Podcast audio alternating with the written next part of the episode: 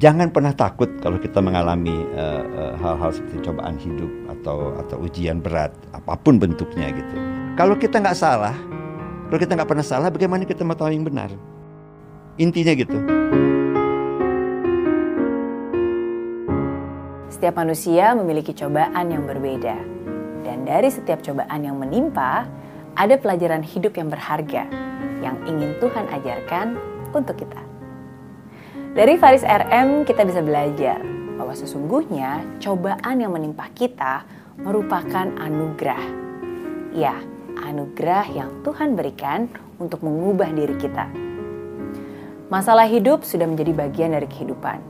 Jika kamu ingin menjadi seperti berlian, kamu harus siap, siap menerima himpitan dan tekanan. Karena itu merupakan proses pembentukan. Jika saat ini kamu sedang terhimpit, sampai rasanya ingin menjerit, tetaplah kuat, tetaplah berprasangka baik, meski itu sulit.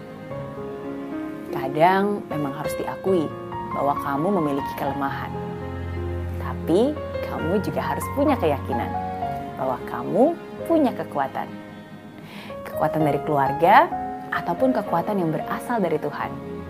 Kamu harus percaya Percaya bahwa kamu bisa melewati setiap persoalan. Dan jika waktunya sudah tiba, tanpa sadar, kamu akan melihat diri kamu dengan versi yang berbeda. Diri kamu yang semakin kuat, semakin berhikmat, dan lebih bijaksana. Dari Faris RM, kita juga diingatkan bahwa ketika kamu menekuni sebuah pekerjaan, kamu akan menuai hasil yang memuaskan untuk memperoleh pekerjaan yang kamu impikan butuh pengorbanan dan perjuangan. Butuh kebesaran hati ketika hasilnya belum memuaskan.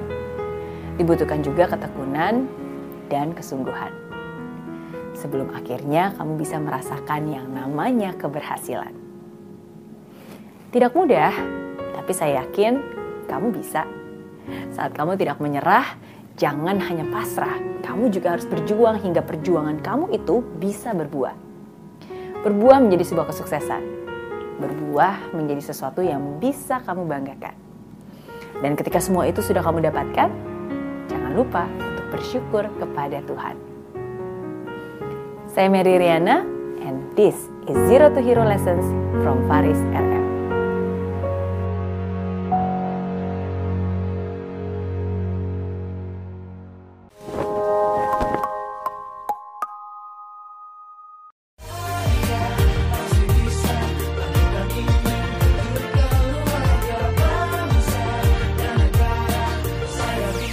Faris RM. tanpa hujan Hidup tanpa tujuan Kering dan mati tanpa hijaunya tumbuhan ah Demikian kalau mimpi tak kunjung terjadi